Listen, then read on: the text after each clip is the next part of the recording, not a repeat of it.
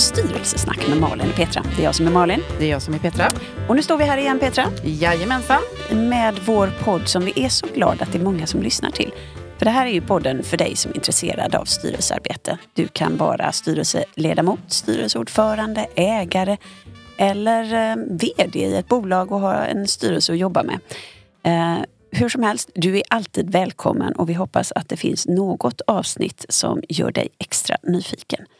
Idag kan vi utlova många viktiga eh, frågeställningar och många svar och diskussioner kring dem. För vi har bjudit in Johan Sölveland som är VD för Ackordcentralen Väst. Välkommen Johan! Tack så mycket! Vi är jätteglada att ha dig här. Och det här är ju ett område, vi har ju haft rätt många poddavsnitt nu Petra, men det här är ju ett område som många har med rätta väldigt stor respekt för, men kanske också är lite rädda för. Eh, för det är ju det där att vad händer när vi närmar oss konkursen? Vad är en rekonstruktion? Vad innebär obestånd? Vad, vad ska jag göra?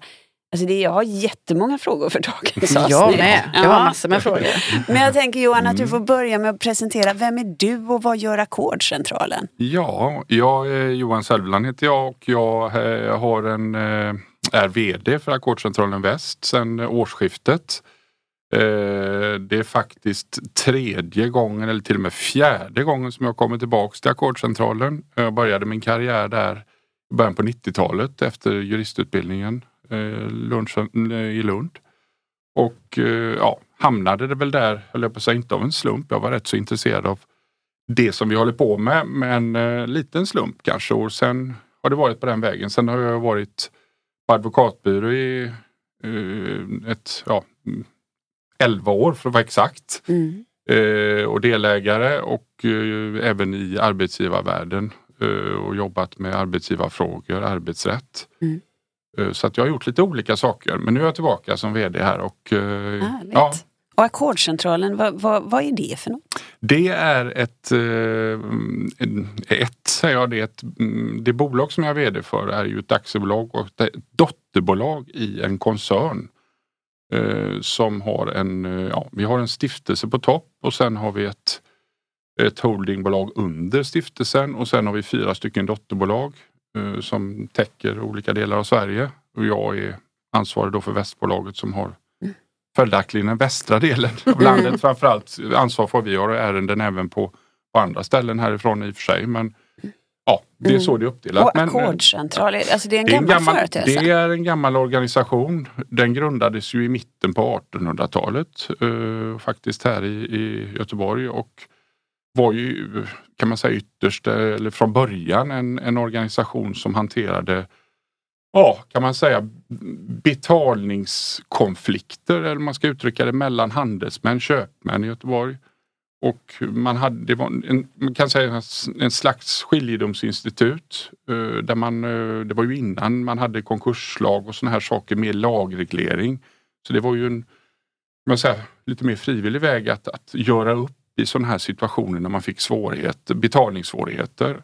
Okay. Och så att det finns en, en lång historia bakom Ackordsansvaret. Mm. Sen har ju det utvecklats genom åren och blivit en organisation som ja, det är ju ett, vi bedriver ju liksom kommersiell verksamhet eh, men vi har ju inga vi har ju ingen ägare på det sättet som kräver avkastning på toppen utan det är en stiftelse med en stiftelsekund där vi tillgodoser vissa uh, saker så att mm. säga uh, inom insolvensrätten. Uh, vi, vi, bland annat så har vi ju Ja, vi delar ut stipendier och vi har ja, tillhandahåller så säga, medel till utbildningsinsatser och sådana här saker. Okay. Så det är lite olika saker. Ja.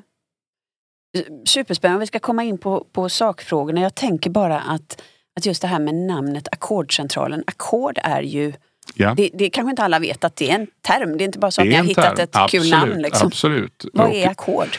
Ackord är egentligen ett, eh, kan man säga, en, ja, en uppgörelse, en, en, en skuldnedskrivning kan man säga. Och det är faktiskt som så numera att uh, det heter inte egentligen formellt sett ackord längre. För att okay.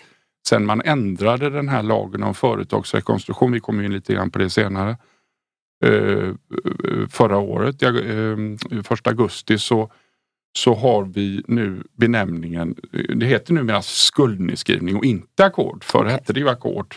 Men eh, man kan säga att det handlar ju om att det är en, eh, ja, det är en, en typ av skuldnedskrivning där fordringsägarna egentligen tar ställning till ett förslag om en viss uppgörelse och får så att säga rösta om ja, man ska acceptera en skuldnedskrivning eller inte. Mm. Och det finns ju lite olika typer av ackord. Uh, men, men ungefär så, vi, mm. vi stannar där kan jag säga mm. så här, ungefär det går ut på. Jättebra. Petra, mm. jag måste bara fråga dig, mm. för du, du utbildar ju väldigt mycket i styrelsearbete mm. och träffar mm. många potentiella styrelseledamöter och många som är styrelseledamöter. För mig känns det här som ett område som man inte duckar för men man är lite orolig och rädd. Vad mm. får du för frågor inom det här området? Nej men så är det ju. Eh, dels så handlar det om väldigt mycket om det personliga ansvaret. Vi pratar ju också väldigt mycket om kontrollfunktionen mm. för styrelsen. Det vill säga att vi ska ha god kontroll på bolagets ekonomiska liksom, Eh, var de står någonstans och, och, kunna ha ett handlingsutrymme, kunna agera. Det är ju en ganska stor del utav vårt ansvar. Och i det då så kommer det ju då framförallt från de som kanske är icke-ekonomer. Och det är ju ganska många, majoriteten är ju icke-ekonomer i våra styrelser men ska ändå förstå och kunna mm. viss bas i ekonomi. Mm. Och då kommer eh, de här situationerna, men när, alltså, hur ska jag agera med mitt personliga ansvar? Hur ska vi få det här handlingsutrymmet? Och, eh, men mycket handlar ju om det personliga ansvaret, mm. det vill säga mm. när ska vi göra vad för att inte hamna dels i första hand för bolagets mm. räkning mm. naturligtvis. Men i andra hand så mm. tänker man ju på, ja men jag har ju ett ansvar här, vad kan mm. jag råka ut för? Så att eh, vi, vi, går ju igenom ganska mycket det här med kapitalbrist och, och, och liksom vad säger aktiebolagslagen kopplat till den situationen?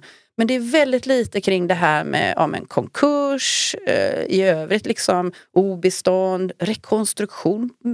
Alltså folk vet inte så mycket. Så att jag tänker att vi ska börja i den ändan ja. och kanske reda ut de här begreppen som man möter men som man kanske inte riktigt förstår och i kontexten ja, hur, hur ska jag tänka utifrån ett styrelseperspektiv då? Mm. Eh, vad är liksom likvidation egentligen? Vad, finns det tvångs och frivilligt? Mm. Vad är en konkurs och, och hur går det till? Och, eh, rekonstruktion, när har man möjlighet mm. att använda det? Mm. Eh, och sen så är det också, ja, men finns det vissa krav på oss i styrelsen? Eh, och, och liksom, jag tänker också då tidshorisonter kopplat till det.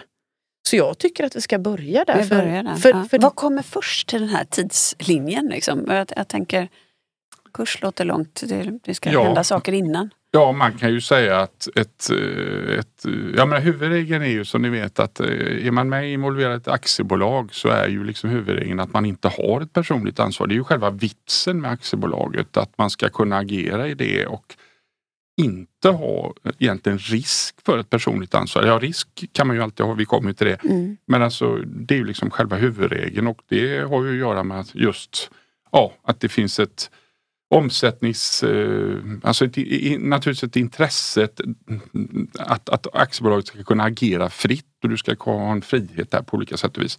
Sen finns det ju, som ni var inne på, en, en mängd regler där, där man kan drabbas av ett personligt ansvar.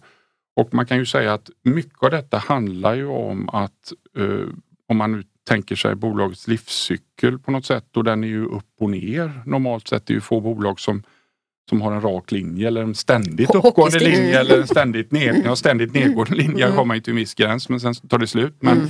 men, men det ser ju väldigt olika ut. Och man kan ju säga att uh, risken är ju alltid så att på, om man tänker sig på nedsidan i den här kurvan att när bolaget börjar tappa förmåga i sin affär att tjäna pengar och skapa så att säga, ja, tillföra kapital i den, den, eh, i, det, eh, i den mängd som behövs för verksamheten. Det kan ju ske på olika sätt och vis naturligtvis. Det kan ju finnas ägare som gärna stoppar in pengar och som som inte egentligen, höll jag på att säga, bryr sig att bolaget går med förlust utan man har en förväntansbild om en utveckling längre fram som är, ska vara väldigt bra och så vidare.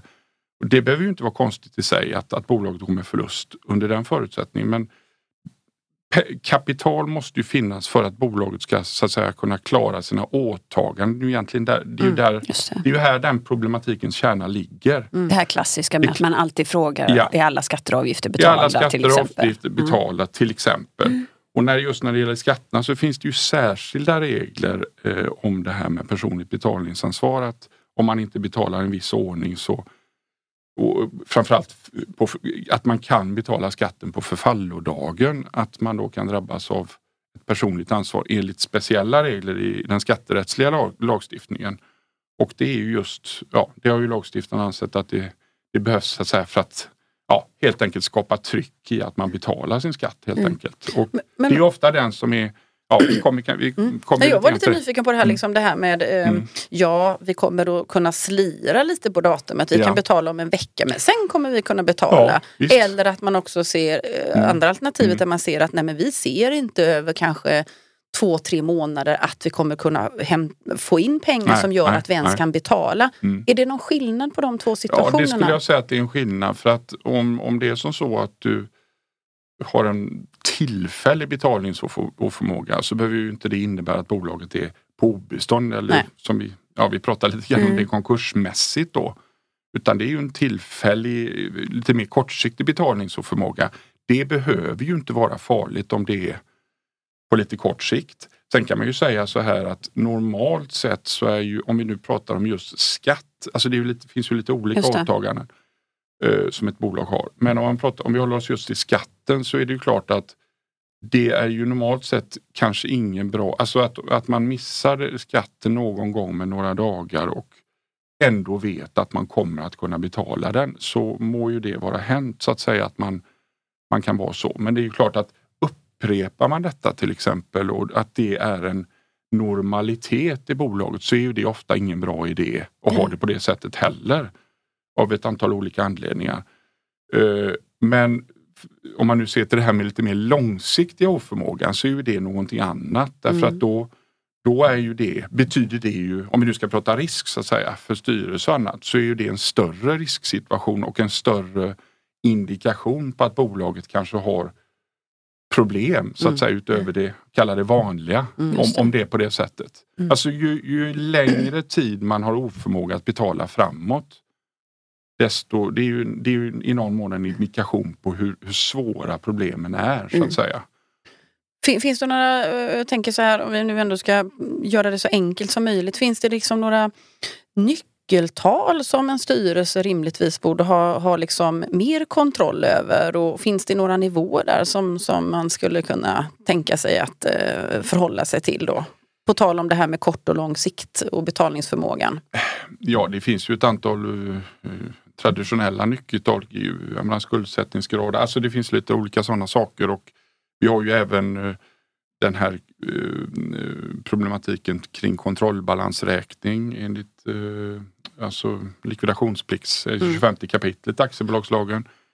Och när man ska upprätta kontrollbalansräkning och sådant, att, att det är en viss skuldsättningsgrad i bolaget i förhållande till egna kapitalet och så vidare som man kan hålla koll på. Men egentligen så är det ju så att eh, jag menar en betalningsoförmåga kan ju uppkomma ganska så snabbt. Eh, det beror ju lite naturligtvis på vad det är för bra- Vissa branscher är naturligtvis ut, mer utsatta än andra. Med lite säsongsvängningar Med så, du? Mm. med, man är mer utsatt för eh, man, på, man kanske är, eh, det kan ju vara som så till exempel att man har ett stort beroende av en viss kund, att en kund betalar en viss ordning och så vidare.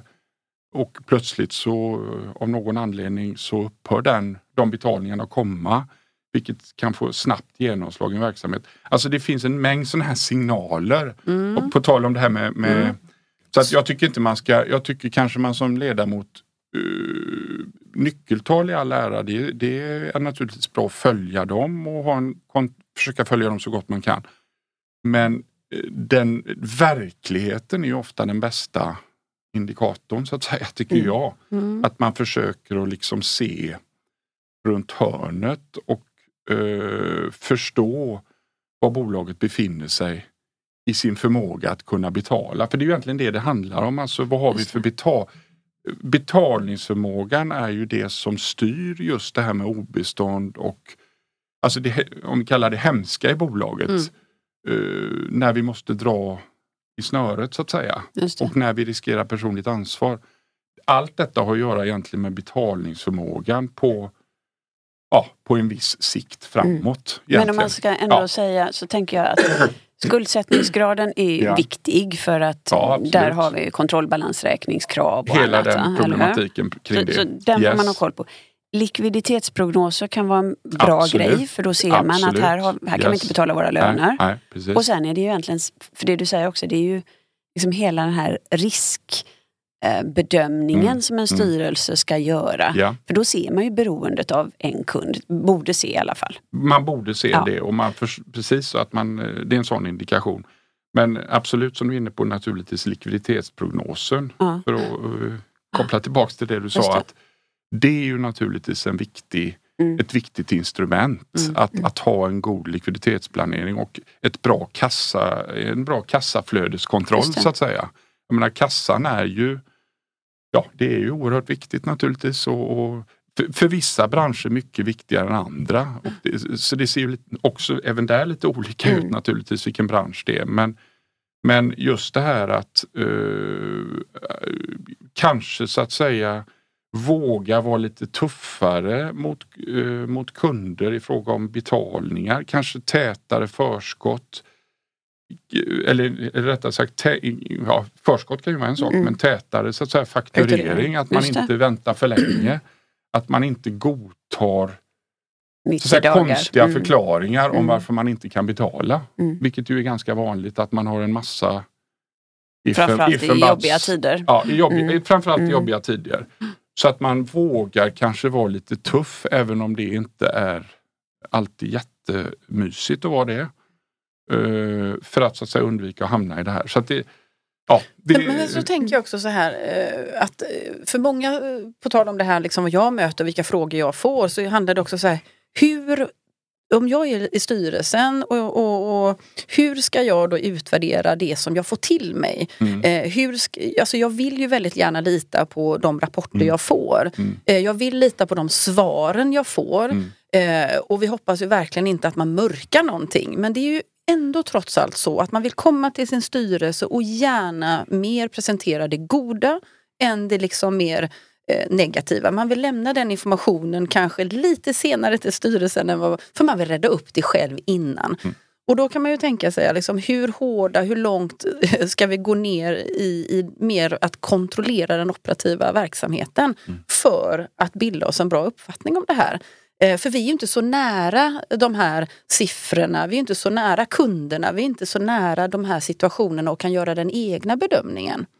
Har du några liksom tankar på det? Nej, det är en bra fråga. Så det är ju precis som du säger att det är ju det svåra att förstå så att säga, verkligheten bakom siffrorna. Är, är, och att, att var, var, alltså, det är ju naturligtvis en diskussion man kan ha. Hur kritisk ska en styrelse vara? Hur pass eh, jag menar, man vill kanske inte vara polis så att säga i sin, sitt bolag utan och det kanske man inte ska vara men ändå att man, man eh, vill komma på djupet lite grann och kanske inte ta allt för givet. Eh, och, och så att säga, försöka förstå verkligheten bakom siffrorna. Eh, det finns ju inget enkelt svar på den frågan. Eh, exakt hur mycket Nej. man ska göra. Och, återigen så beror ju det väldigt mycket på naturligtvis hur mycket man kan lita på den operativa ledningen och vad man, vad man har för känsla. Men det är klart, jag skulle säga att har man ändå, det är ju rätt magkänslestyrt skulle jag nog vilja säga som styrelseledamot. Alltså, får man en, en känsla av att siffrorna, om vi, vi tar, vi kan ta likviditeten till exempel och som ett exempel då eftersom det är, det är en Mm. viktig fråga i det här vi pratar om idag. Eh, att den kanske inte är eh, så som den beskrivs vara. Att vi ska få betalt på ett visst sätt. Vi har kanske ett avtal där, vi, där det påstås att vi ska få betalt i vissa intervaller och så vidare. Och att man får den här magkänslan att det kanske inte kommer att se ut riktigt så. så jag menar, det är lite grann det Mm. jag vill komma till. att Magkänslan och att kanske vara lite mer kritisk där då och kanske gå ja, lite djupare. Fler följdfrågor, Ja, fler följdfrågor och kanske till och med Mm. nästan, jag på att säga, bevisning Mm. på detta. Mm. Och kanske till och med be att man får en en uppföljning mellan styrelsemötena och säger att nu, bara för ordningens skull, om nu, nu betalas så kan du väl bara ge mig en, en flaggning om det, det. att det är betalt. Mm. Så, att, mm. så att jag vet att jag har kommit in mm. som du påstår att det ska mm. göra. Mm. Till exempel. Att man följer upp Sen det så. tänker jag också lite grann att det är ju det är som du säger, mm. att det, det, kan, det kan gå snabbt åt fel mm, håll naturligtvis. Um, men det är också, mycket av det här handlar ju om transparens och kultur och hur funkar vi som, som bolag. Och där som styrelseledamot och kanske som ny styrelseledamot så, så borde man också kunna prata med revisorer. Det är ju lite på grund av det här mm, känner jag som man den årliga genomgången som man har med, med revisorn när man faktiskt mm. ber ledningen att lämna en liten alltså Det är den här typen av frågor som, mm. Mm. som man också kan få lite känsla för i alla fall. Absolut, uh, att, att man är Ja, Även om det inte, alltså det är, fråntar ju inte mitt ansvar, det är Nej. inte det jag säger. Men, men det är ytterligare en källa att ösa ur. Ja, det är en källa att ösa ur. Att, att man tar den, kanske den typen av initiativ. Jag menar, det är ju inte förbjudet uh, som, som ledamot och, och kanske kontakta revisorn och bara säga, mm. ställa en enkel mm. fråga om, om, om det är någonting man känner att det här kanske inte är riktigt som det, det. borde vara eller jag vill veta lite mera så att säga om det. Och uh, allt, återigen, detta handlar ju naturligtvis om uh, hur, ja, hur aktiv och grävande ska man vara som ledamot mm. och när ska man göra detta? Och det vi pratar om idag är ju just i de här situationerna då kanske när man känner att det börjar att gå åt fel håll. Jag menar, ofta är det ju så att det kanske har hänt en massa saker innan här. Det har kommit upp saker på styrelsemötet som gör att man kanske hamnar i de här funderingarna. Mm. Men eh, där tycker jag nog att man kanske då inte ska ja, avvakta för länge så att säga med det här kanske lite mer fördjupande utan, utan ta kanske lite egna initiativ. Då utan kanske då att det blir just den här för mycket polis så att säga. Mm, det, det, kanske det inte ska bli heller men, men ändå Ja, sen lite mer aktivitet. tipset är väl också det att, att dels att efterfråga, att man också dokumenterar, liksom, tänker jag i styrelseprotokoll och ja. liknande, att hur vi har fått den här informationen, Precis. det biläggs i, i mm. protokollet mm. eller inför styrelsemötet. Mm. Den här resonemanget har vi mm. haft, det här har vi följt ja. upp eller vad det nu är för någonting. Eh, bara så att man också får en röd tråd i sitt ansvarstagande tänker jag också i de här frågorna. Eh, är väl ett tips också som vi ja, kan... Eh... absolut ett tips. Mm. Precis som du säger att vara noggranna med att anteckna att frågan mm. har ställts så mm. man har fått det här svaret och så vidare. Och eh, absolut att det är med. Mm. mm. Och att eh, sen, sen, kan man ju säga så här att eh, det kan ju ha en betydelse naturligtvis längre fram att det har ställts men återigen så är det klart att du har ju ändå ett, ett, det är ju ändå någon sorts ett kollektivt ansvar för styrelsen så att säga. Mm. Ändå uh, i de här avseendena. Men, men naturligtvis bra att, att det är dokumenterat och att det blir en, en press kanske lite grann på, på, på, den, uh, på den operativa ledningen att de Ja, att, mm. att frågan är med framåt. Mm. Så där, mm. Om man ska definiera lite begrepp. Alltså betalningssvårigheter pratar vi om lite grann. Är det samma sak som obestånd? Det behöver inte, nej det är det nej. inte utan eh, betalningssvårigheter kan ju vara eh, Det kan ju vara att man har betalningssvårigheter ja, på kort sikt. Så lite, ja. ja. det kan ju vara att man har lite, lite grann. Men, så att men man, svårt att betala just det, kan, det, har bety Ja precis, man har svårt mm. att betala för en stund. Alltså man är likvid så att säga. Man har mm. svårt att betala på lite kortare sikt. Obestånd är ju en mer, ska vi säga definitiv oförmåga att betala sina skulder i takt med att de förfaller till betalning och den är så att säga höll jag på att säga, evig, den mm. oförmågan. Alltså det är, man, ser, ser inte, man att, ser det inte att det finns några möjligheter. blir bättre om ett halvår. Nej, Nej men du har, du har, eh, jag menar, du har 100 miljoner i skulder men du kan aldrig tjäna mer än 10 miljoner. Eller mm. ha tillgång mm. till mer än 10 miljoner. För att ta något eh, lite mer mm. drastiskt exempel. Men, alltså det, det, är ju, eh, men, men det kan ju vara svårt att avgöra eh, obestånds eh, Typ, alltså det finns, man, brukar, man skiljer ju dessutom på faktiskt obestånd och prognosmässigt obestånd. Och det faktiska obeståndet är ju egentligen för stunden kan man ju säga eller ja, vid en specifik tid. Eller ja, inte kanske mer en specifik tidpunkt utan det är ju mer eh, man konstaterar att det händer någonting och det innebär att nu är det plötsligt eh, mm. obestånd så att säga. Mm. Det prognosmässiga obeståndet är ju mer att man det kan ju vara som så att man har pengar, likviditet, tillgång till pengar och man kan betala så att säga eh, ja, de skulderna som är åtminstone på kort och medellång sikt. Men att man har en skuld längre bort som man aldrig kommer att kunna betala. Man kanske, till exempel, man kanske har en stor skatteskuld som förfaller till betalning om ja, x antal månader Mm. som man vet att man aldrig kommer att kunna betala. Då inträder ju obeståndet redan säga, vid den det. tidpunkten när man ser det. Mm. Så det kan ju vara ett ganska långt Mm. eh, Vad Det- händer då? då? Vad, vad, vad gör man då?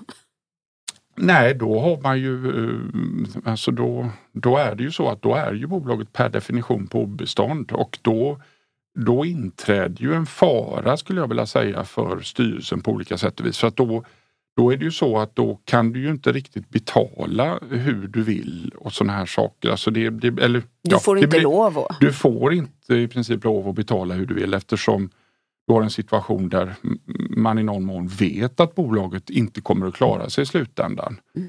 Och eh, då har, finns det ju regler kring egentligen vad man, vad man får Vilka skulder man betala. ska betala vad först, man kan liksom. betala först och så vidare och i en viss ordning. Hur Så det man- blir, mycket, det blir Mm. betydligt, eh, vad ska vi säga, det blir en farligare värld att röra sig i Mm. om man är, har ett prognosmässigt obestånd helt klart.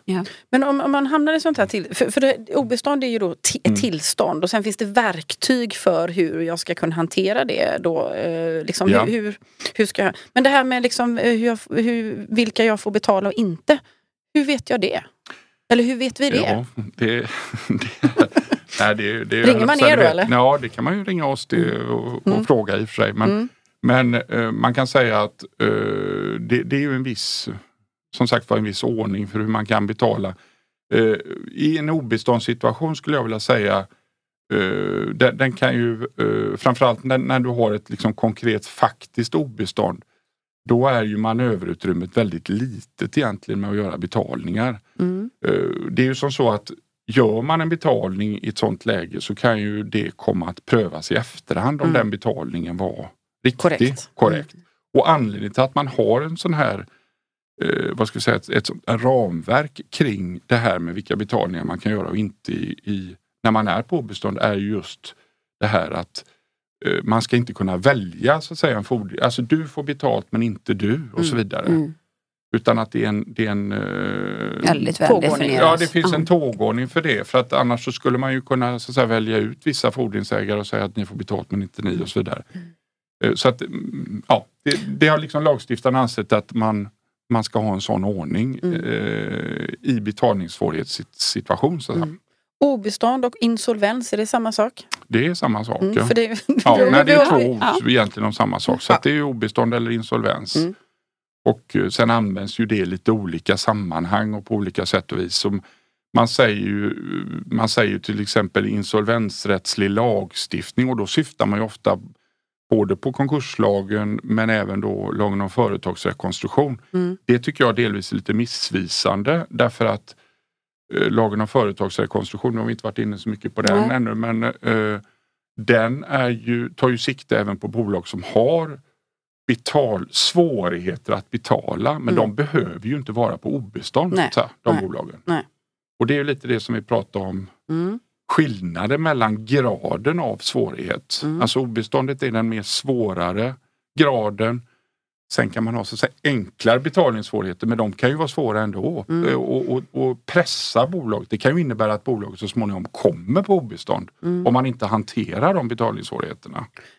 Så att det är ju liksom en skala kan man säga här. Mm. Om vi ska Eh, skala ja. den här nu då, liksom, eller skala bananen tänkte jag säga. Men skala det här. Så, Yes. så vad, har vi, vad, vad har vi då för möjligheter tänker jag? Liksom? Eller vad är de här olika rent praktiskt då om man tittar då på eh, Jag tänker också så här, frivillig likvidation kan man ju väl inträda i och bestämma sig. Ja Alltså absolut, det kan man ju göra och då behöver man inte vara på något obestånd. Nej, och det, det, det, man kan, det, ska man ha en frivillig likvidation så Så- skulle jag säga så- att då kan man inte vara på På obestånd. obestånd. Nej. Därför att det förutsätter ju att man kan betala alla sina skulder. Mm. Alltså man avvecklar bolaget. Mm. Eh, Man bestämmer bara att nu, vi ska inte fortsätta med det här och sen så fattar ju man en speciell, ett beslut på en bolag. Alltså det är ett bolagsstämmobeslut Mm. och så vidare. Eh, Och eh, då, då blir det ju en likvidation, det tillsätts en likvidator som bara avvecklar Mm. bolaget och betalar egentligen, eh, ja, dels alla, se till så att alla skulder är betalda. Alla skulder måste vara betalda. Mm. Och sen finns det pengar över då så delar man ut dem till aktieägarna bara. Mm. Och sen så är det slut så att säga. Ungefär så går det till. Mm. Så att det, Hur- det, då kan man ju inte vara på obestånd. Det kan inte vara som så att det finns Nej. skulder kvar då. Nej. Eh, hur långt tar en sån process? en frivillig likvidation? Man kan säga att den tar ju, eh, det är en kallelsetid på sex månader. Okay. Så att den tar ju, eller på så här, minst sex månader, den tar ju lite längre för det är ju lite, jag skulle säga att den tar kanske, ja om man snabbar på, nu kanske någon annan som har en annan uppfattning här ute i era lyssnare men jag skulle säga att den tar kanske en, eh, åtminstone en 9-10 eh, månader i alla mm. fall. Någonting sånt där. Mm. Så sex plus ett antal månader. Så det är ju lite grann och mm. man ska uh, upprätta vissa form, viss formalia och, och så vidare. Mm. Så det är massa det, praktikaliteter. Ja, men det är en likvidator, likvidator som, ja, som Men det är ju en, en, förhållandevis lång tid är det ju då. Mm. Mm. Uh, och om vi tar då det här med rekonstruktion då. Yeah. Vad, vad är det för verktyg, tänkte jag säga, men vad är det för en eh, tillstånd, tänkte jag säga, men eh, ja, en händelse? Företagsrekonstruktion, som det kallas då, eller rekonstruktion kallas det ju ibland också, mm. Är ju också ett, precis som konkursen är, ett förfarande vid domstol. Eh, där man ansöker till domstol om att få inleda en företagsrekonstruktion. Domstolen meddelar ett beslut och sen inleds en process, eh, ett ärende i domstolen helt enkelt eh, som innebär att bolaget får en viss, i princip en viss tid, det pågår under en viss tid, till att börja med tre månader, sen kan man få förlängt upp till ett år och till och med, ja det kan pågå till och med lite längre tid efter det. Men cir, som längst ett år kan man mm. säga. Eh, och under den tiden så har ju bolaget möjlighet då att ja, man har skydd, man kan inte bli försatt i konkurs under den tiden. Man har en betalnings... Alltså den dagen som man då inleder en rekonstruktion, det fattas ett beslut av tingsrätten, så är det en betalningsinställelse. Och det innebär att man får inte betala sina gamla skulder som har uppkommit fram till det datumet. Och det innebär ju att uh, det ger ju bolaget ett, ja, vad ska vi säga, moratorium. Ja, det är ett moratorium att mm. betala. Mm. Det skapar så att säga likviditetsutrymme Eh, för bolaget på olika sätt och vis. Eh, och man har också en viktig faktor där att man kan få sån här så kallad lönegaranti eh, och att staten betalar lönerna för de anställda under en viss tid. Inte hela tiden men under en viss tid. Kan man... För de ligger rätt högt upp i trappan? Ja, vad man behöver betala? Ja, inte... Uh, inte före skatter och avgifter? Nej, men, nej, en viss, en viss förmånsrätt mm. finns det ju mm. där men men de, de är ju ofta, det är ofta så för ett bolag att eh, när man, alltså att rekonstruktionen är ju till just för att skydda mot, eh, det, dels det att man i lugn och ro så att säga, kan jobba med att hitta mm. lösningar. Man, man kan inte bli försatt i konkurs. Mm. Att du som fordringsägare har en, en fordran på det här bolaget och går in med en konkursansökan mot det eh, hjälper inte då för att då blir den konkursansökan vilande under, så länge rekonstruktionen pågår. Okay. Sen är det ju då att uh, ja, man, man kan så säga hitta då lösningar med fordringsägarna och då kan det ju bland annat bli som så att man vill göra ett sånt där som man kallade ackord för. Men som nu kallas skuldnedskrivning. Mm. Uh, och tidigare kanske lyssnarna och all, ja, alla mm. känner igen att man gjorde 25 procent, man kallar, alltså minimiackordet var 25 procent för. Just det. Uh, nu kan man säga att uh, som regelverket är nu så kan man egentligen göra vilka lösningar som helst. Bara fordringsägarna är med på det och mm. röstar mm. om det på ett visst sätt. Lagstiftningen är lite mer komplicerad nu men det finns ett mycket större utrymme att göra så att säga, kreativa lösningar med bolaget för att komma till rätta med betalnings... Alltså den, dels den finansiella sidan, betalningssidan, men även då naturligtvis verksamheten. Mm. Att den kanske, man kanske behöver skala ner eller man behöver kanske sälja av. Bolaget kanske har mm. dotterbolag mm. som man ska sälja av eller vad som helst som krävs för att man ska så att säga, skapa en, en bättre förmåga framåt. Och vad gör man, ja. alltså, nu avbryter jag lite, förlåt, ja. men, men, men jag tänker vad gör man själv? Och, för här kommer det in en extern part, liksom en rekonstruktör. Mm. Mm typ någon från, ja, det är från bra, det är en bra fråga, precis. Så vad, vad kan jag göra typ och vad är, det någon, ja, vad är det någon tar över liksom? Man kan säga så här att uh, det, är, det är en väldigt bra fråga för att det belyser lite grann skillnaden om vi nu ska jämföra med konkursen. Ja. För det är ofta så, jag menar den frågan får vi ofta, vad är det för skillnad, alltså konkurs och rekonstruktion för det är ju det, ja. det, är det vi håller på med som specialitet. Så vi, vi får ju naturligtvis den frågan väldigt ofta. Men eh, skillnaden är ganska intressant därför att rekonstruktionen så är det ju så att där behåller ju styrelsen och ledningen råd. Alltså de kontrollerar ju fortfarande bolaget och styr bolaget kan man säga. Styrelsen är fortfarande kvar mm. och har förmåga att ingå avtal och sådana här saker. Eh, rekonstruktören har ju egentligen bara en vad ska vi säga, övervakande roll. Han är ju en typ av controller eller ja, övervakare så att säga. Och där säger ju lagen att man måste följa vad rekonstruktören... Alltså lagen förutsätter att bolaget och rekonstruktören samarbetar i någon mån om att hitta en, arbeta fram en lösning, en, en plan för hur bolaget ska komma till rätta. Men bolag, eh, rekonstruktören är ju inte är, har ju stor makt naturligtvis därför att bolaget är enligt lagen då skyldig att liksom lyssna på rekonstruktören och är rekonstruktören missnöjd med någonting så, så måste ju naturligtvis bolaget vara, vara aktsam på det. Men det är ju inte så att om, om, eh, om man gör någonting själv så blir den rättshandlingen ogiltig och sådana här saker. Det, så är det normalt sett inte. Mm. I konkursen, om vi nu får mm. återkoppla till det då, mm. att där har ju konkursförvaltaren som då utses. Det är ju rekonstruktör i företagsrekonstruktion och konkursförvaltare i konkurs. Det är två helt olika roller. Där har ju konkursförvaltaren makten på ett helt annat sätt. Han ersätter ju i princip styrelsen och där är ju styrelsen inte, där är ju de borta. De, eller ja, man ska säga att de företräder fortfarande konkursbolaget i och för sig. Men de har inte makten över tillgångarna. Det, man kan inte ta beslut liksom? Nej, man de, kan inte... de kan inte ta några, ja, de kan ju ta beslut men det händer ju mm. ingenting så att säga. Alltså, de, kan inte, de kontrollerar ju till exempel inte konton och tillgångar på det sättet. Mm. Mm. Uh, ja, lite grann om det. Uh, ja, men så. Jättebra. Och, och, förlåt, det här är så spännande. Men innebär det också att för att få gå in i en företagsrekonstruktionsprocess så måste någon instans ha bedömt att det är värt att det går?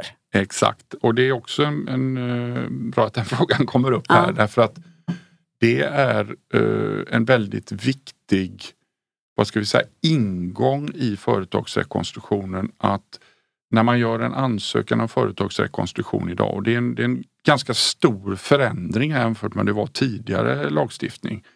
Att numera så krävs det, eller nu, det, ja, det krävdes egentligen förr också, men nu är det mycket tydligare att det krävs att bolaget har så kallad livskraft för att det ska kunna bli ett beslut om företagsrekonstruktion. Och livs, det, det, är ju lite konstigt ord när man pratar om liksom, eh, bolag, att de ska ha ett liv eller livskraft. Det kan man tycka är lite konstigt. Men, eh, men då är det som så att man måste alltså som sökande och då är det normalt sett alltid bolag, alltså ett, ett bolag som söker själv att vi vill ha en företagsrekonstruktion. En borgenär kan också söka om företagsrekonstruktion men det är, det är väldigt eh, ovanligt, förekommer nästan aldrig. Eh, då måste man så att visa att man har en livskraft och då kan man ju undra vad är då livskraft för något eller hur visar man då det? Ja, det är en väldigt, också en väldigt bra fråga som jag ställer till mig själv. eh, alltså, det är ju så att det är ju egentligen att beskriva att det här bolaget har en, kommer att kunna ha en förmåga att återställa sin vad ska jag säga, kommersiella förmåga att kunna bli lönsam. Egentligen handlar ju all, ytterst detta att det måste vara så att säga, mer, mer pengar in i bolaget än ut över tid. Alltså det mm. måste vara ett löns, kunna bli ett lönsamt bolag med de här åtgärderna som vi tänker oss ska vi, vi ska vidta. Ja, då säger man ju så här att ja, nu har vi problem. Vi, vi erkänner vi har problem. Uh, vi kan inte betala. Men vidtar vi vissa åtgärder som vi, vi då beskriver i ansökan och, och, med den bra rörelsen som vi har. Alltså vi måste kunna peka ut att vi har en, det är en vettig rörelse vi har. Mm. Då räknar vi med att vi ska kunna återställa den här förmågan och det, det, det kommer vi att klara då på den här tiden som vi säger och därför vill vi att vi domstolen då, för det är nämligen domstolen som, tingsrätten som beslutar om detta. Om, om det finns livskraft eller inte. De ska pröva det. Så det är ett livskraft, så kallat livskraftstest som domstolen ska göra. Och det förstår ju alla att det är inte så himla enkelt att göra det testet. Eh, och förstå det. Kristallkulan? Eh, nej, ja, det, det, kan man säga och det, det är därför som man kan säga att ans, ansökningarna om rekonstruktion, alltså Uh, alltså, när man ändrade lagstiftningen här så var uh, syftet att egentligen att det skulle bli färre rekonstruktioner men mer, alltså bättre rekonstruktioner. Och man tyckte ju tidigare att det var lite lätt, för lättvindigt höll jag på att säga. Mm. Och det fanns säkert grund för den kritiken uh, i vissa delar men inte kanske i hela, i hela vägen. Men visst, det fanns det. Uh, så, så, att man, man, det var därför man liksom höjde kraven här så att det ska bli färre rekonstruktioner men fler lyckade. Och det kan man säga absolut att det har blivit mycket färre rekonstruktioner. Vi har ju idag Alltså från 1 augusti förra året till ungefär där vi står här och nu så har det väl kanske varit något 40-tal rekonstruktioner, omkring ett 40-tal rekonstruktioner i Sverige hittills. Jämförelsevis? Ja, och, då ska man jämföra det och då pratar vi om kanske ett, halv, vad blir det, ett halvår någonting sånt mm. där. Uh, tidigare då, och då, det innebär ju då att vi kanske har en takt på kanske något knappt hundratal på ett år. Mm. Och förut så hade vi kanske 300 företagsrekonstruktioner Oj. per år. Så det är en ganska kraftig minskning. Tempot, tempot har minskat helt klart. Jag är bara lite nyfiken då. um, om man nu är i styrelsen, försöker plocka ner det lite grann liksom till, eh, till styrelsen och, och liksom att man kanske är lite okunnig i de här mm. frågorna. Mm. Så uppstår ju liksom funderingen så här, okej. Okay, när, um, när kan vi fundera över rekonstruktion? Om du förstår vad jag menar. Mm. Liksom så här, Eh, och eh, hur lång tid, och så tänker jag så här att Ja, vi, vi, vi, landar ner i tillsammans med vd, kanske ekonomichefen och så här att nej men det här är ett alternativ, det här ska vi gå på. Jag misstänker att det är ett stämmobeslut dessutom. Uh, jag skulle ju inte vilja gå själv som nej, styrelse utan nej, att ha ägarna det, med mig eh, med att det är den lösning som vi, vill, som, som vi tittar på. Nej, uh, nu är det är ju ingen formalia direkt i rekonstruktionslag utan det ska ju vara en, en företrädare som ansöker så att säga ja, om rekonstruktion. Ja. ja. Men det men handlar väl om en avstämning? Ja, liksom det är en avstämning lite grann. Det får man ju se lite ja. alltså vilken typ av vilken beslut typ av det är och så vidare. Vilken typ av bolag och så vidare. Ja, men jag mm. tänker ändå liksom att man kanske stämmer av med ägarna. Åtminstone tänker jag i de här små och medelstora bolagen. Men observera det, jag vill nog bara lägga mm. till det att det kan ju vara som så att det blir snabba situationer. Att styrelsen måste agera ta snabbt. det själv ja. skulle jag vilja påstå om mm. det är ett snabbt läge. Ja. Men då att kanske man, man informerar ändå ja. ägarna. Ja, men man kanske inte kallar till en stämma. Men, men, men ändå informera ägarna. Ja, informera absolut, ägarna. Och, och, sen, eh, och så ska vi då lämna in en ansökan då. Eh, hur lång tid tar det ungefär innan man får ett besked? Ja, det, man kan säga så här att uh, lite kopplat till det jag pratade om tidigare. Själva ansökan är en, en väldigt viktig handling i rekonstruktion idag den, man får räkna med att den tar en viss tid att upprätta idag. Mm. Den tar längre tid att upprätta idag än vad den gjorde tidigare. Jag skulle säga att uh, erfarenhetsmässigt, vi har ju haft ett antal med den här nya lagen uh, och vi ser att det är uh, en process. Man får räkna med att det tar, ja, jag skulle säga nästan två veckor. Så, alltså man behöver, alltså det vill säga mm. att man behöver kanske en eller två veckor på sig för att kunna förbereda en rekonstruktion bra, mm. kanske till och med i vissa fall ännu längre. Det är ju lite grann kopplat till hur stor verksamhet vi pratar mm. om, vad som ska hända. Får ska det finnas en plan där också då som någon ska ja, kunna bedöma det, det, om den är trovärdig? Det är också en, en, bra fråga faktiskt. Uh, uh, I den bästa av världar så ska det finnas en plan, mm. eller ska. Det, det kan vara bra om det finns en plan. Ja. Uh, och, det, och det kan till och med vara som så att är det extremt bra förberett så kan man redan i själva ansökan ansöka i sig om en så kallad planförhandling.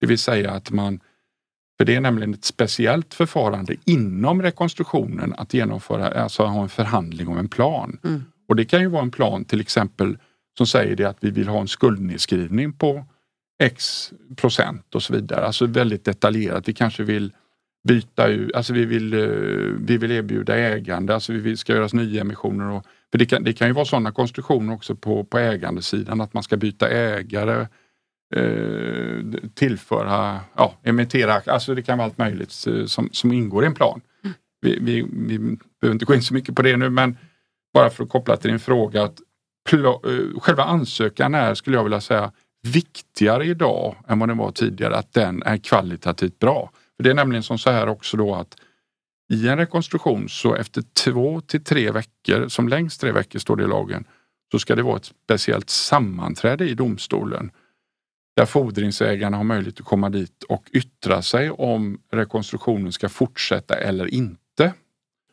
Och vid det mötet så är det ju viktigt då att uh, rekonstruktören ihop med bolaget kan beskriva, så att säga, eller normalt sett är det ju rätt så viktigt, kan beskriva så att säga vad som ska hända och ja, hur har det gått de här första veckorna? Det är, det är ju en ganska kort tid, mm. bara några veckor. Uh, och att man så att säga har en, en bra substans att be, för omvärlden att beskriva uh, där. Uh, vad det är man ska göra och, och, och, varför och hur det, ja och så vidare. Så att återigen, alltså det kan vara bra att ha en, ja, kalla det en, en så bra plan som möjligt redan i ansökan. Och därför, som jag sa, kan det ta lite tid att upprätta en sån ansökan. Mm. Och i sin tur så innebär ju det tidsfaktorn, mm. det kokar ner till det liksom mm. att bra rekonstruktioner, då har man ganska hyfsat bra med tid att gå in i rekonstruktionen skulle jag vilja säga. Mm. Uh, att, man, att det inte blir för stressat där. Mm. Uh, helt enkelt, ja. Mm. Men, men får, mm. och tänk så här, i en sån här situation som man hoppas ju att folk inte kanske har varit i så himla mycket. Så Nej. hur mycket stöd och hjälp kan man få då? Är det liksom, är det, går man till en aktör som er då för att liksom så här, hur gör man? Kan ja, ni hjälpa det, oss? Och... Vi, vi gör ju så att vi, vi, vi har ju vi, vi har ju många bolag som av olika anledningar kommer till oss och, och så vidare eh, och, och, diskuterar den här typen av, av, av, saker. Och där är det ju så att vi är ju, vi är ju väldigt noggranna med att säga att vi är ju inte i det läget så att säga ombud för Nej. bolaget. Däremot så kan vi ju sitta ner och diskutera. De kommer till oss och talar om att så här ser det ut för oss. Vad har vi för alternativ mm. här? Mm. Mm. Och att man diskuterar. Finns det förutsättningar för rekonstruktion eller, eller är det så svåra för, eller är inte, finns det inte de mm. förutsättningarna? Till mm. exempel det är tveksamt om vi har livskraft. Vi, har, eh, ja, vi klarar inte det av ett antal olika anledningar. Uh, utan vi måste gå på konkurs istället och att mm. man kanske landar där istället. Att det måste vara det som är alternativet. Eller så finns det något annat alternativ. Till exempel att man, ja, man kanske kan se att uh, det plötsligt finns en extern part som man kan ja, man kan välja att ta steget över till en extern part som är villig att skjuta till pengar till exempel. Alltså det samtalet med oss får att man gör att man tar det steget. Mm. Man kanske inte har, har liksom velat det innan och så vidare. Så det kan ju hända en massa saker i, i, i den typen av mm. möten. Men visst, det, ofta är det ju naturligtvis som så att de som kommer till oss har mer eller mindre så säga, grava problem mm. Mm. och lite svårare problem så att mm. säga. Och, eh, diskutera det med oss. Vad, vad, Men vad man ni kan också agera lite rådgivande. Så Absolut. Att, för jag tänker det är ja. väldigt mycket, känner jag, skämskudde ja. över det här. Att, det är skämskudde, att jag, jag tänker att man mer ofta väntar lite för länge. Ja. Än Absolut. men, i tid. men som sagt vi, vi är ju ofta, ofta är det ju som så att vi Ja, vi diskuterar alternativ, alltså vilka mm. alternativ ja. man har utifrån de här förutsättningarna man mm. presenterar eh, för oss. Och eh, ja, men, mm. men jag tänker också så här, innan vi avslutar också sen mm. Johan så ska vi prata om konkurs också. För ja. Tiden ja, går fort när man har roligt. Men jag tänker också det här med, med, med att eh, som styrelse att vi eh, tar råd utifrån när vi är i vissa lägen. För någonstans så skulle, det är ju styrelsens agerande. Om vi tittar då liksom på till exempel ägare som tycker att här har styrelsen inte agerat i rätt tid med rätt, eh, rätt aktiviteter och så. Eh, så går det för långt så skulle man ju kunna ha några ägare som tycker att nej men, eh, dels får ni inte ansvarsfrihet och dels så kommer vi dessutom med ett skadeståndsanspråk på er och ert agerande och hur ni har skadat bolaget. Så jag tänker, och som, som Carl Svernlöf i ett av våra avsnitt sa, att, eh, att eh, ta råd ute, ta experthjälp som ger rekommendationer dokumentera och följ de rekommendationerna. var ju ett tips som han sa mm. eh, på tal om att liksom, man ska ta ett rimligt ansvar som styrelse. Så att man inte hamnar i de här situationerna. Det kan väl bara vara ett medskick tänker ja. jag, att tänka Absolut. på det. Att ta hjälp och, och, de allra flesta har ju inte varit i de här situationerna och vet inte. Eh, man, alla är ju inte proffs som du tänker jag. Nej men det, det är som du säger att det är en, en obehaglig situation för många mm. och, och det är ju en, en ja, närmast en psykologisk faktor nästan det här att man har ju en tendens kanske att vilja skjuta lite på problematiska frågor och mm. vänta. Och mm. det är ju ett, ett inte minst i konkurs och obeståndsproblematiks situationer, Mm. ett välkänt faktum att bolag, styrelser, ägare och andra aktörer runt det här är, tenderar att vara sent ute Mm. eh, i de situationerna. Eller man, man liksom trycker det ofta lite för långt bort. Så Är tiden är väldigt då? viktig. Ja, men jag tänker ofta så kanske det är så här, vi hittar lösningen. Vi, Vi vi, hittar vi, lösningen. vi, tror att vi kan och, och så här. Mm. Och så litar vi på varandra i det och sen är det fullbordat faktum Mm. kanske. Så att då har man ju inte det här manöverutrymmet heller. Eh, om vi ska då Men gå det är in... väl det du Ja. brukar säga också Johan, det här liksom tidsfaktorn, att handlingsutrymmet minskar rätt så snabbt. Det minskar rätt så snabbt och det blir någon sorts turbo i det också dessutom. Att uh, det kan börja så att säga lite nice höll jag på att säga eller att Mm. det ändå är lite problem. Men sen det kan väldigt snabbt eskalera Mm. och göra att man, man uh, ja, ganska snabbt hamnar i ett läge där man har väldigt lite Så handlingsutrymme. ditt råd är att inte vänta för länge. Inte vänta för länge utan Mm. att vara liksom, eh, det är bättre då precis eh, som det här att vara ute och, och fråga rådgivare kanske ordentligt i tid när man får den här magkänslan och ser de här signalerna. eh, än att vänta för länge helt enkelt. Och, Men det, det är klart, jag vet ju att det är lättare sagt än gjort. Och, eh, det kan vara svårt och, och ja, det kan vara svårt att liksom veta exakt när den tidpunkten är. Just av det också skälet att man vill ju, alla vill ju att verksamheterna ska gå bra och som styrelse så sitter man ju där liksom i någon mån för att man vill vara med och, i ett framgångsrikt företag och att det ska vara nice och bra och eh, fungera. Det, är- Mm. det är ju helt självklart. Man vill kanske inte vara den här motvalls eller skapa för mycket problem så att säga Mm. och så vidare och, och se mörkret. Eh, så. Men å Jag är, andra tillbaka, sidan, jag är ja. tillbaka till det här med bolagets bästa. För Ja. jag menar det är klart Mm. att det, det Nej. får ju förödande konsekvenser liksom för medarbetare, för åtagande. Alltså, det är ju väldigt många som påverkas om det går för Absolut. långt. Så att det handlar väl om att hitta den här balansen en balans. Med, med, med att både vara eh, framåtriktad, positiv men samtidigt väldigt realistisk och, och, och eh, titta på riskdelen. Och det, det är ju bättre liksom att eh, vad ska man säga, ta in hjälp, eh, utvärdera och konstatera att nej, vi är inte där. Bra, då har vi konstaterat det snarare än att liksom, nej, det är fullbordat faktum nu. Eh, tänker jag. Så att för mig Mm. handlar det väldigt mycket om att det är bolagets bästa som jag ändå är där för att, eh, att bidra till. Och, och jag bara tänker så här att eh, ja men eh, vi har 3, 4, 5, 600 Mm. medarbetare kanske här då som kommer att bli starkt påverkade av detta.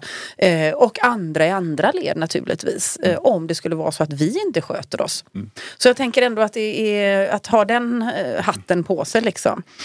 Mm. Du, det här med konkurs nu då.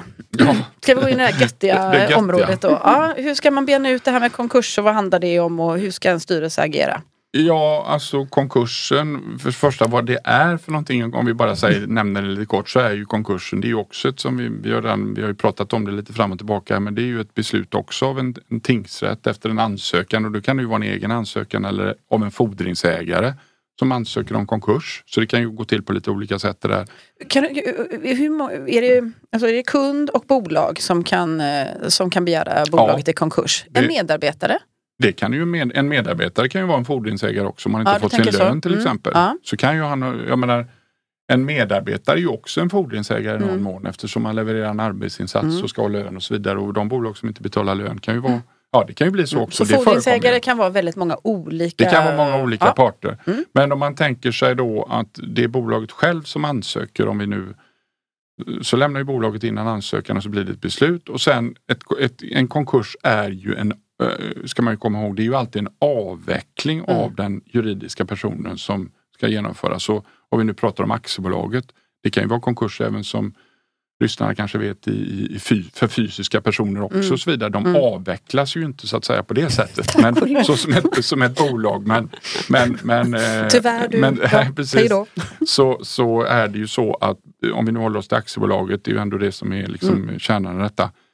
Så avvecklas det, det försvinner ju och Mm. då är det ju en konkursförvaltare som sköter själva avvecklingen av den juridiska personen och det är ju egentligen det främsta som förvaltaren ska göra är ju att avveckla tillgångarna. Att omvandla dem i ja, klingande mynt så att säga och sen dela ut det till fordringsägarna i en viss ordning.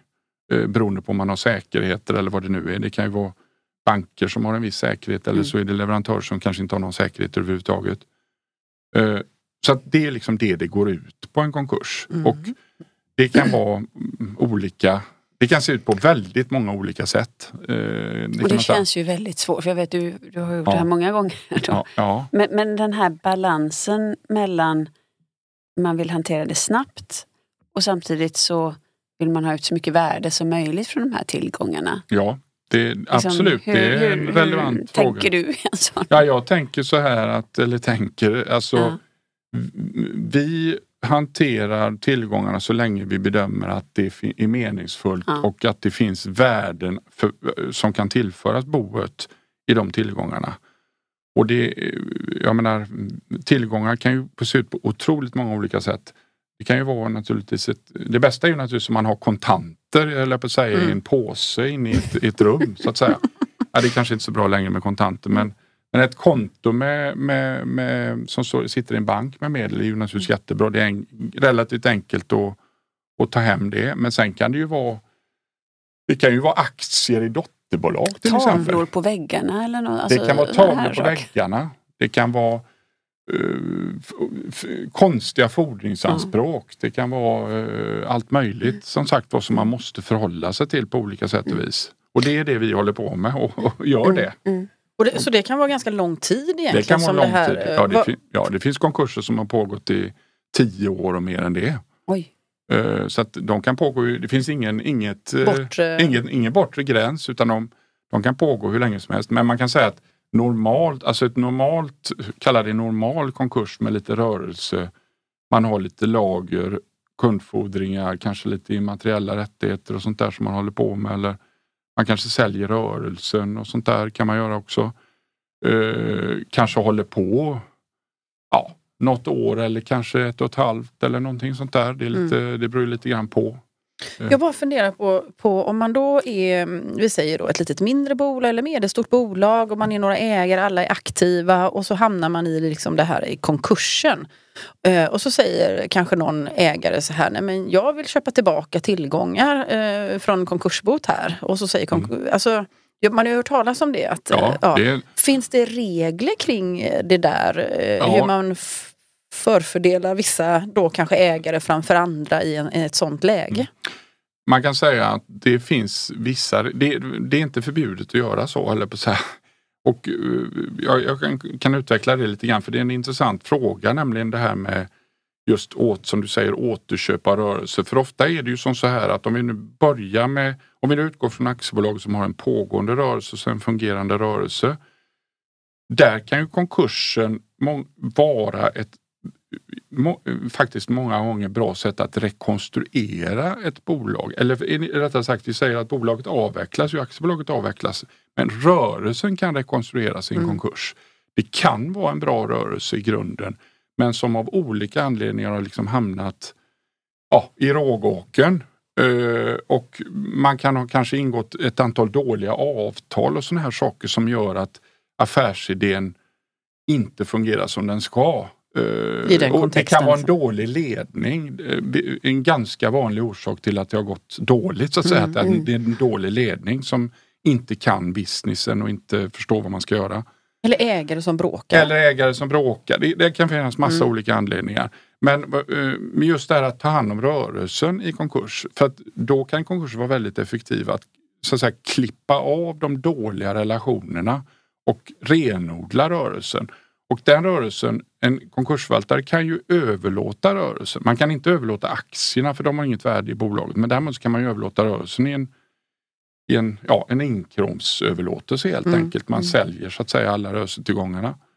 Och eh, då kan det ju vara som så att den tidigare ledningen så många gånger kanske är de som känner produkten, eh, vad det är nu man tillhandahåller, producerar någonting, en tjänst. Inte minst om vi nu pratar om de här, vad ska vi säga, techbolag där det finns en komplicerad immateriell struktur bakom. Svårt att penetrera det för en utomstående många gånger att Mm. förstå vad som är upp och ner i en produkt som inte ser det. Den gamla ledningen kan vara och gamla ägarna kanske grundare av bolaget Mm. eller de kanske har patenten till och med och så vidare. Det kan ju vara så också. kan vara de som tar det vidare. Det kan vara ett sånt, eh, Mm. just långt svar på, på din fråga, Mm. men det är ändå intressant att utveckla det lite. Får- I en sån liksom, Alltså att de köper, vad jag ska Ja. säga, att de köper tillbaks. Ja, då eh, köper man tillbaka. köper Men så tillbaka säger vi att det är, är någon, vi säger att det är tre ägare, så är det två ägare som köper tillbaka eller vill Ja. köpa tillbaka Ja. det. Frågar man den tredje ägaren då, vill du också köpa tillbaka så att de Nej, lägger bud det- eller är det bara får först till kvarn? Eller? Det får man ju se vem, ja, först, vem bjuder bäst. Alltså, så här, det- Återigen vår skyldighet att få så bra betalt som möjligt. Vi Mm. får ju se det är klart att vi, vi gör väl fel om vi bara frågar en till Mm. exempel. Vi kanske vill spela ut dem mot varandra och se Mm. vem bjuder högst. Ja, här och så vidare. okej. Det är ju Mm. inte ovanligt att vi får just den typen av eh, kalla det strider om egendomen. Mm. Alltså det förekommer ju att vi har till exempel tre ägare, om vi nu tar det som exempel, och att det är kanske två av dem då som, som fightas om att få komma tillbaka och ta tillbaks eh, rörelsen. Mm. Och eh, vad, mm, jag vill bara runda av det här Mm. svaret tidigare. Mm. att Ofta kan det ju vara som så att den gamla ledningen, gamla ägaren, är de som betalar bäst för Mm. rörelsen också. Och det beror på att de De kan, vet. de vet, de, Mm, vet, de kan den. Mm. Mm. De vet det. externa intressenter har ingen aning Mm. eller de har svårt att, att tillgodogöra sig på den tiden som erbjuds. De vet vad det handlar om. De är dessutom kanske också, kan ju vara som så att de har borgat för krediter som bolaget har tagit till exempel. De har ett intresse av att det kommer in så mycket pengar som möjligt i konkursboet för att konkursboet ska kunna dela ut pengar till Mm. så många fordringsägare som möjligt och så Mm. mycket som möjligt. För att lösa upp de Ja. här... eh, Så mm. att det, det är en anledning till att det kan vara bra med den typen av transaktioner i konkurs. Mm. Inte alltid men, men det kan vara bra. Ja, Vad mycket vi har lärt oss. så jag tänker det. Superspännande. Men jag tänker, om man, fortsätta en timme till. Ja, Ja, jag förstår jag det. Vi får komma det. tillbaka. Men, men om vi nu ska liksom runda av lite grann. Så här, har du några liksom såna här konkreta tips för styrelser så, i just den här kontexten så som du... Nu har vi berört, men om Ja. du skulle summera några goda tips.